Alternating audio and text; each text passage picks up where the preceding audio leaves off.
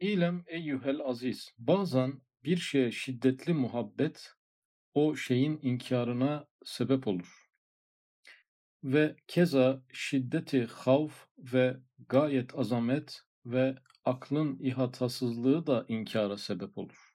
Evet yani sevginin şiddetlisi e, o sevilen şeyi bazen inkara sebebiyet veriyormuş. Korkunun şiddetlisi de bazen inkara sebebiyet veriyormuş. Önce ilkini inceleyelim. Bazen yani her zaman değil tabii ki. Bir şeye şiddetli muhabbet o şeyin inkarına sebep olur.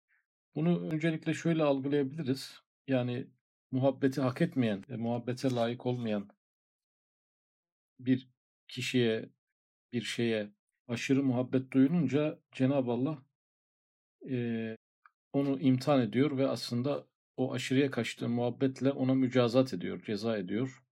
E, layık olmadığı bir sevgiyi ona yönlendirdiği Hı. için gidiyor o sevdiği şeyle kişiyi kendisi düşmanlaştırıyor. Hı. Bu ilginç bir ilahi tecelli. Çok severek, aşırı severek e, bağlanıyor. Fakat Allah'ın işi ya o sevdiği şey ondan nefret ediyor. Ve o nefreti görünce de kendisi artık o şeyi inkara e, doğru yöneliyor. O çok yüce, çok yücelerde, yükseklerde gördüğü mahbubunu bu sefer de kuyunun dibinde, aşağıların aşağısında görüyor. Aşırı sevginin cezasını aşırı nefret göstererek kendisi de çekmiş oluyor. Gayrı meşru muhabbetin cezası merhametsiz bir adavettir şeklinde bir kaide vardı başka risalelerde. E, gayri meşru burada karşımıza şiddetli şeklinde de çıktı. E, sadece gayri meşru muhabbet değil, bir muhabbetin şiddeti de adavetle, düşmanlıkla sonuçlanabiliyor. Bir böyle düşünebiliriz. Bir de erişememek, yetişememek, o çok sevdiği, aşk duyduğu şeyi kendisinden uzak görerek ona sahip olamadığını fark edince insan bir nefret şeyine girebilir. Ulaşamadığı için nefret edebilir. Bu da bir tecellidir. Bir de insanların takip ettiği velileri, mürşitleri de böyle düşünebiliriz. Aşırı sevgi. Haşa Hazreti Peygamber'den daha çok, haşa Cenab-ı Allah'tan da daha çok insan kendisine rehberlik yapan insanı sevmeye başlarsa, orada bir abartıya kaçarsa, bir fani insanı haşa Allah'ı sever gibi sevmeye başlar, onu kalbinin merkezine yerleştirirse Allah e, o kişiyi de imtihan eder. Mürşidim, şeyhim, insanı kamil dediği bir kişiye bir gün artık iman dairesinde değil bile demeye de başlayabilir. Allah'ın böyle değişik değişik tecelliler vardır. Demek ki her şeyin şiddetlisi fazlası zararlı olduğu gibi sevginin de fazlası zararlıdır. Büyük imtihanlara sebebiyet verir. Bu bir kamil insanı sevmek de dahil olmak üzere değişik yan etkileri olan bir duygu. Evet, diğeri de şiddeti havf. Yani fazla korku da inkara sebebiyet veriyormuş. Korkar korkar korkar bir insan artık korkudan bıkar yani. O bıktığı korku korktuğu şeyi inkara götürür. Mesela buna Allah korkusu, cehennem korkusu bunlarda da bir denge gerekir kişi kendi mukavemetini unutup sürekli bu korkularla yaşarsa, sürekli merkeze bunu oturtursa, o cehennem korkusuna, o Allah korkusuna layık bir yaşama da güç yetiremezse, onu da yerine getiremezse, yavaş yavaş cehennemin inkarı, Allah'ın inkarı onun ruhuna daha müsait hale gelir. Çünkü hem çok korkunç vaziyetler düşünür hem de o korkunç vaziyetlere uygun takvalı bir hayat da kuramazsa bir taraftan e, o korku bir gün inkara doğru onu götürür. Cehennem aslında yokmuş. E, hesap günü yokmuş. E, mizan tartı yokmuşa kadar insanı götürebilir. O yüzden korkuları da dengelemekte fayda var. Evet, gayet azamet de inkara sebebiyet veriyormuş. Yani büyüklükler. Bazı şeyler çok büyük olunca, çok ihtişamlı olunca, insan aklı ve iradesini aşmaya başlayınca e, inançsızlığın sebeplerinden birisi de bu olabiliyormuş. Yani kafanın almaması o aşkınlığı kafanın almamasından sebep de bazı insanlar inkara meyledebiliyormuş. Yani biz inkar etmiş bir insan görünce hep bunu kasti yaptığını düşünürüz. Din düşmanlığından dolayı, maneviyat düşmanlığından dolayı böyle yaptığını düşünürüz. Kötü niyetinden dolayı böyle olduğunu düşünüyoruz ama değişik böyle faktörler de var. Yani azameti ilahiyeyi kafasına sığıştıramama. Hele ki aklı ölçü alıyorsa, yani aklımın aldığına inanırım, aklımın almadığına inanmam gibi bir bakış açısına sahipse o da onu inkara götürüyormuş. Aklı aklı almıyor çünkü bazı mevzuları. Ve aklın ihatasızlığı da inkara sebep olur. Evet aklın bazı gerçekleri kuşatamaması, kavrayış zayıflıkları e, da inkara sebebiyet verebilir. Mesela bütün kainatı tek bir varlık yönetiyor. Hem galaksileri o evirip çeviriyor hem atom altını da aynı zat evirip çeviriyor ve her şey bir zata ait. E, ve bu ait olan mülkün ucu var, bucağı yok. Yani bu e, kavranması biz mümin olduğumuz için kalbimize çok rahat kabul ettirdiğimiz bir hakikattir. Bize göre çok basittir. Her şeyin Allah'ın olması, Allah'ın her şeyi bilmesi, e, olmuş olacak her şeyi bilmesi, her şeyi onun yönetiyor olması ve bir yardımcıdan, destekçiden faydalanmadan bunu yapıyor olması, mekandan münezzeh olduğu halde bütün mekanları idare ediyor e, olması, zamandan münezzeh oluyor olmasına rağmen bütün zamanları idare ediyor olması gibi biz mümin kalbiyle düşününce çok basit çocuk oyuncağı bazı konular vardır ki e, bazı insanların aklına sığıştıramadığı mevzulardır. Ve bu sığıştıramama da inkara sebebiyet verir. Akla sığmıyor, olacak iş değil. Bir de insanlar tabii akılları derece derecedir. E, kavrayış kıtlığı olan insanlar zaten görürüz yani vardır. Belki biz de bunlardan biriyiz. Onu da e, göz ardı etmemek gerekir. Ama her insan her mevzuyu kavrayamıyor. Kavramakta zorlanıyor. Bazı konuları hiç anlamadan atlamak zorunda kalan çok insan vardır.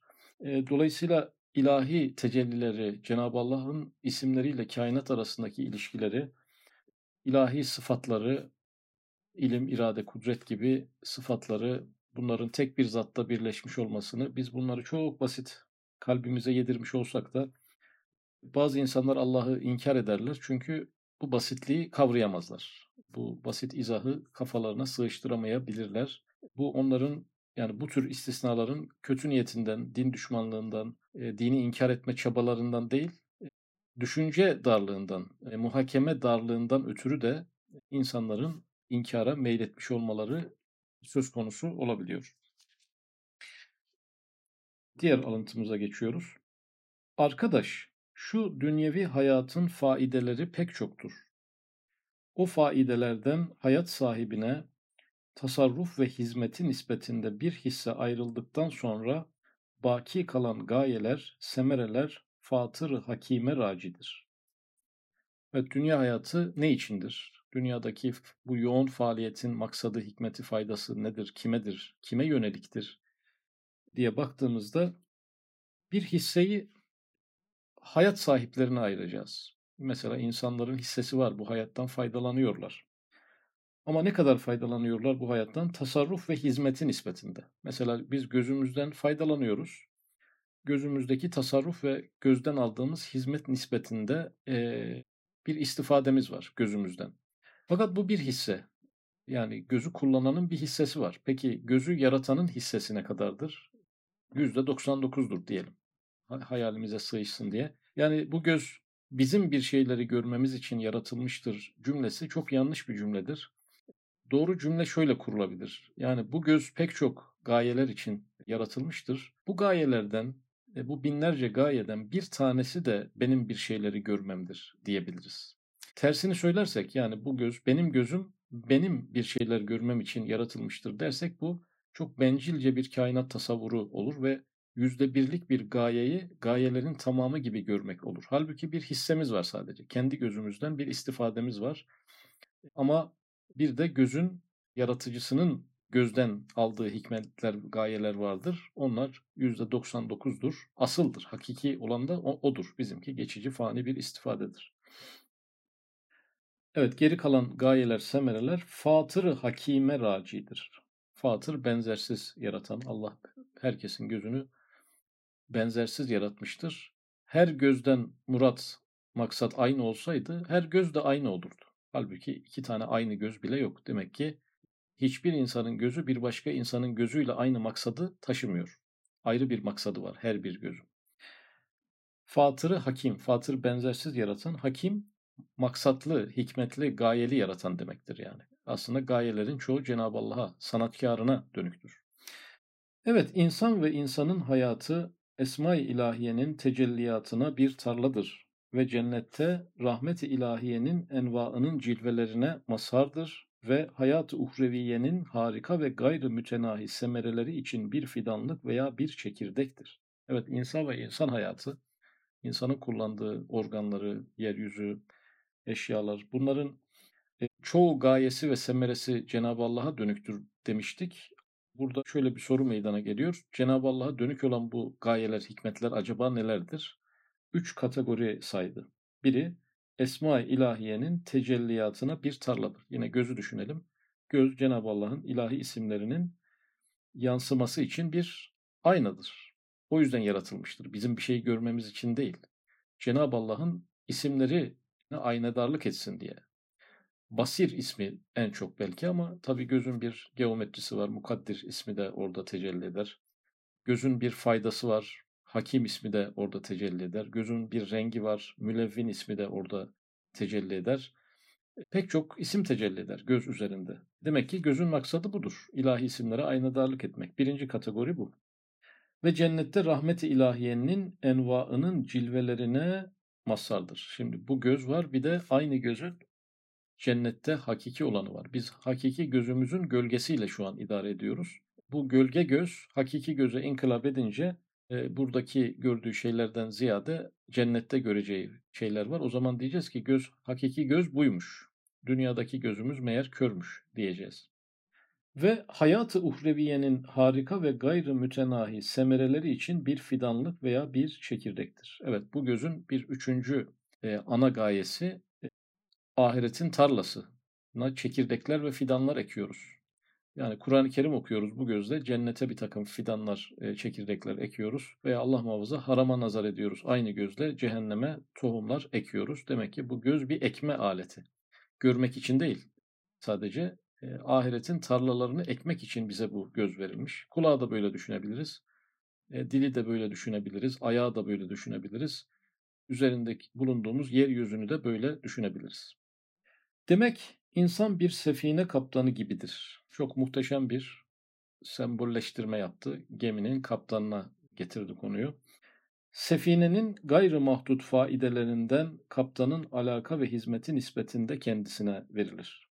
Baki kalan kısmı sultana racidir. İnsan da sefine vücuduyla alakası derecesinde o vücudun hayattar semeratından hissesini alır. Mütebakisi sultanı ezeliye aittir. Şimdi gemi kaptanının gemiden istifadesi, gemiden kazandıkları, gemi kaptanı için olan şeyler, gemidekiler bir böyle bir açı var. Bir de bu gemiyi bir yere gönderen sultanın bazı maksatları var sultanın maksatlarıyla kaptanın maksatları birbirini tam tutmuyor. Çünkü e, kaptanın maksadı bir maaş almak, ailesini geçindirmek, işsiz kalmamak, rızık vesilesi yapmak. Kaptanın maksatları bunlar. Ama birisi dese ki ya bu gemi bu kaptan bu maaşı alsın diye yapıldı. O yüzden gidiyor. Çok dar bir bakış açısı olur. Geminin çok maksatları var. Belki en sonda gelenidir yani bir kaptana maaş olsun diye gemi e, inşa etmek, imar etmek, denize bırakmak, kaptanın rızkına sebebiyet versin diye düşünülmesi belki en uzak ihtimaldir. Sultanın maksatları var asıl, asıl gemi üzerinde. %99 oranında. Ne olabilir? Bir ülkeden bir ülkeye mal taşıyordur. Mağdur bir memlekete gıdalar gidiyor. Savaş gemisi olabilir. Bir ülkeyi fethe gidiyordur. Peki niye o fetih var? Fethin de belki yüzlerce gerekçeleri var yani.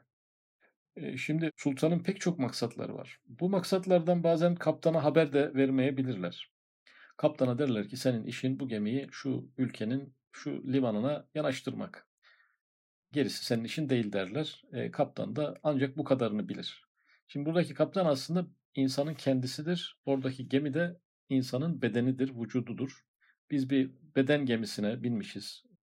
Bu bedenimizin kaptanlığını yapıyoruz ve bu bedeni bize yiyelim, içelim, görelim, zevk edelim, rızk elde edelim diye değil. Pek çok yüksek maksatlarla vermişler ama biz de istifade ediyoruz bu bedenden. Ama bu bedenden bizim istifademiz çok azdır.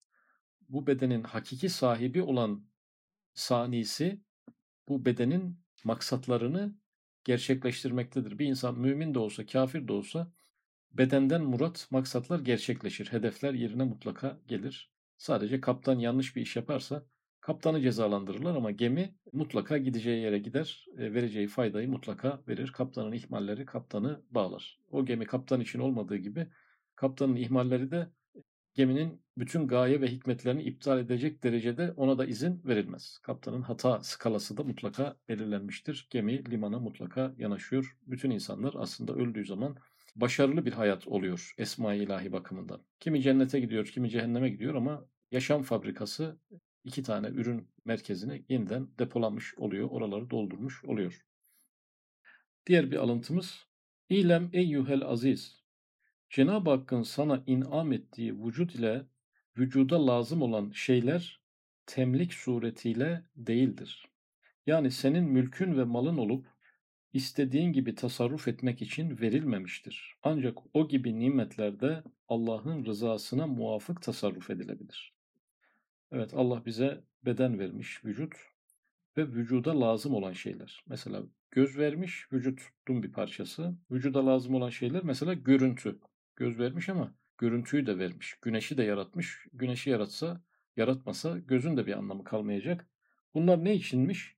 Temlik suretinde değil. Temlik yani mülkiyetine geçir veya geçici mülkiyetine al için de verilmemiş. Geçici olarak senin mülkün olsun diye de verilmemiş. İnsanın istediği gibi tasarruf etmesi için de verilmemiş. Dar bir daire bırakılmış. Sadece Allah'ın rızasına muvafık tasarruf edilebilir. Yani bir şeyler verilmişse bu verilen şeyler sadece Allah rızası için kullanılabilir. İnsan kendinde böyle büyük nimetler, beden gibi, aile gibi, sağlık gibi, e, servet gibi şeyleri önünde bulunca tamam bunlar demek ki bana e, temlik, mülk suretinde verilmiş. Bunlar benim mülklerimdir. İnsan mülkün sahibi ise mülk sahibi mülkünde dilediği gibi tasarruf eder. Ben bu kazançları haram yolda kazanmadığıma göre bedenimi haram yolda kazanmadım çünkü Allah bana verdi. E, rızkımı da helalden kazandığıma göre ben bu serveti de bu bedeni de dilediğim gibi kullanma hakkına sahibim e, diyemiyor. Çünkü insana emaneten verilmiş, sahip olsun diye, dilediği gibi kullansın diye verilmemiş. Aslında insanın başına bir iş açılmış. Böyle yüksek istidatlar, yüksek organlar, yüksek nimetlerin onun önüne yığılmış olması insanın büyük bir imtihanıdır. Bunlarla ne yapacağı merak ediliyor insanın. İnsan onlarla bir şey yapsın da ya cennetini ya cehennemini kazansın diye önüne böyle bir ürünler dizilmiş. Çok tehlikeli bir durum aslında. Bu kadar çok şey verilmiş. Akıl gibi hiçbir varlığa verilmeyen şeyler verilmiş. Çok tehlikeli bir durum. İnsan acaba bunlarla ne yapacak? En büyük hatayı da bunları kendisinin zannederek yapmış olabilir. Evet bir misafir ev sahibinin iznine ve rızasına muvafık olmayacak derecede yemeklerde ve sair şeylerde israf edemez. Konu misafire geldi. Bir evde kalan misafire geldi. E, bu da yine süper bir örnek bu anlatılan konu için. Ev sahibinin bir izni var bir de rızası var. Şimdi iznine ve rızasına uygun olmayacak şekilde aşırıya gidemez. Tamam, yemek yiyebilir ama ev sahibinin iznine ve rızasına muvafık olarak yiyebilir. Mesela ev sahibinin izin vermediği bir şeyi yiyemez. Gidip dolaptan kendisi ev sahibine rağmen bir şeyler çıkartıp yiyemez. Şimdi iznine ve rızasına diyor. Demek ki ev sahibi bazen bazı şeylere izin verir ama rızası olmayabilir. Mesela evden çıkarken der ki ya bu evi dilediğiniz gibi kullanın. Müsaade sizin. Böyle bir müsaade vermiş olabilir. İzin gelmiş oldu. Ama o ev sahibi evden gidince insanın bir düşünmesi gerekiyor. Yani bazı şeyler ev sahibi tam detaylı söylememiş olabilir. Rızasına uygun olmayan şeyler de olabilir. Mesela diyelim ki burada istediği gibi istifade edebilirsin dedi ama siz eşyaların bütününün yerini değiştirmek gibi bir karar aldınız. Mesela bunu sormadınız. Zaten ne de olsa iznimiz var dediniz. Onun hoşuna gitmeyeceğini bilmenize rağmen bir iş yaptınız. Bunlar da bir problemdir. Dolayısıyla aşırılık yani. E, insan nimetleri aşırı kullanıma giremez. E, onları israf etme hakkına sahip değildir. Burada ev sahibi Cenab-ı Allah'tır. İnsan da misafirdir. E, helal olduğu halde e, üzerinde tasarruf eden o nimetleri dilediği gibi kullanamaz. Mesela diyelim ki boş vakit bir nimettir. Boş vakit bir vakit yani sonuçta. Boş vakit de bir vakittir. Cenab-ı Allah bu vakti diyelim veriyor. Bazı insanlara vermiyor ama bazılarına bu boş vakti veriyor. Peki bu boş vakti dilediğimiz gibi kullanabilir miyiz? Kullanamayız. Cenab-ı Allah'ın rızası doğrultusunda ancak kullanabiliriz. Vakit çok büyük bir nimettir. Adı adı boş bile olsa, yani boş kelimesi vaktin değerini düşürmesin. Bir vakit bir kere gitti mi bir daha da geri gelmez. E, bu boş vakit bana temlik olarak verilmiş, benim mülküm olsun diye verilmiş diye zannedenler tabii ki onu dilediği gibi sarf ediyorlar. Ama bu boş vakit bana imtihan olsun diye verilmiş. Bununla ne yapacağımı ortaya koymam için verilmiş. Bunun hesabını vermem için verilmiş dediği zaman kişi bu boş vakti dilediği gibi kullanamaz. Onu Allah rızası yolunda kullanmak durumunda kalır. Sıhhat de böyle bir mevzudur. Kişi madem sıhhati var, bu büyük bir nimettir. Onu dilediğim gibi kullanabilirim diye düşünemez. O sıhhati de Allah'ın izni ve rızası dairesinde kullanabilir. Gençlik de böyle bir nimettir. Ben bu gençlikle dağa da tırmanırım, denize de dalarım, ortalıkta rüzgar gibi eser koştururum diye düşünebiliyor ama o gençlik Allah'ın rızasına ve iznine yani izin deyince tabii yasaklara girmemek, rızasına uygun işlerde kullanmak durumundadır, mecburiyetindedir. Haram olan nimetlerin e, cezası olacağı gibi helallerinde bir hesabı vardır. Nereden kazandın, nereye harcadın, e, nerelerde sarf ettin, niye buralarda kullandın, neden daha verimli kullanmadın diye insan kendi helal e, kazançlarının da hesabını verecektir. Çünkü insana temlik olarak verilmemiş.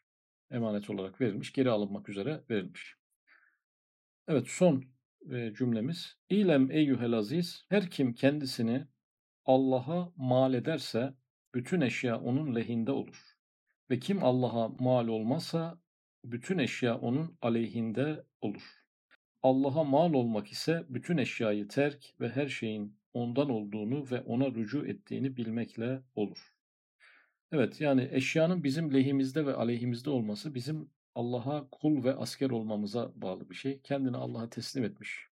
Allah'ın kulu ve hizmetkarı olduğunu kendisine kabul ettirmiş bir insan bütün eşya, hadiseler, olaylar, insanlar, dostlar, düşmanlar hepsi onun lehine döner. Düşmanlar da ona bir katkı sunarlar, dostlar da katkı sunarlar. Nimetler de bir katkı sunar, müsibetler de bir katkı sunar. Çünkü hepsi ona hizmetkar durumuna gelmiştir. Nimetler onu şükrettirir, kazandırır. Müsibetler ona sabrettirir, kazandırır. Onun kazanamayacağı hiçbir şey yoktur. Her şeyi kazanarak ilerler. Allah'a abd ve asker ve hizmetkar olduğundan dolayı bütün eşya ona onun kazanç hanesini genişletmek için ona yönelirler. Peki Allah'a mal olmazsa ne olur? Kulluğunu inkar ederse ne olur? Reddederse ne olur? Başına gelen bütün her şey onu eksiye doğru çekmek için. Müsibetler de nimetler de. Müsibetler onu şikayete sevk eder, dibe doğru indirir. Nimetler de onu nankörlüğe sevk eder, daha da dibe doğru indirir. Düşmanlar onu aşağı doğru indirir ama dostları da onu istidraç nevinden, onu Allah'tan uzaklaştırarak, Allah'ı düşünmesine mani olarak e, kalbindeki bu yanlış kararı güçlendiren hamleler yaparlar. Allah'a mal olmak nedir diye aklımıza gelince üç şey söyledi. Bütün eşyayı terk. Eşya derken dünyayı terk, dünyeviliği terk. Ama bu da tabii ki kalben değil, kesben, özür dilerim, kesben değil, kalben terk etmek. Yani yine yaşamın içerisinde, gene sorumluluklarının bilincinde, gene hayat mücadelesine devam ediyor ama kalbinde dünya arzusu yok. Kalbinde dünyayı kazanmak bir hedef değil veya kazanmışsa kazandığı bu dünyayı kalbine koymuyor. E, eşyayı terk böyle oluyormuş. E, Allah'a mal olup eşyayı terk böyle oluyormuş. İkincisi her şeyin ondan olduğunu ve ona rucu ettiğini bilmekle olur. Tamam bütün eşyayı kalbine koymadı. Peki kalbinin dışındaki eşya sonuçta dışında duruyor ama e, bu dışındaki eşyaya bir yorum yapmak lazım. Her şey Allah'tan geliyor ve Allah'a gidiyor. Onun geçiciliğini fark etmek. Dışımızdaki eşyanın Allah'tan geldiğini ve Allah'a gidiyor olduğunu yani bizde kalmayacak olduğunu. Bizde geçici olarak bir konaklıyor olsa bile e, bunun sadece bir misafirlik olduğunun farkında olan emanet bilincine ermiş olan insanlar kendilerini Allah'a mal edebiliyorlar. Kendisinin de e, tabii ki Allah'tan geldiğini, Allah'a gidiyor olduğunu farkında olan bir insan Allah'a mal olmuş olur. Allah'a mal olunca da bütün eşya ve hadiseler onun için avantaj durumuna gelir.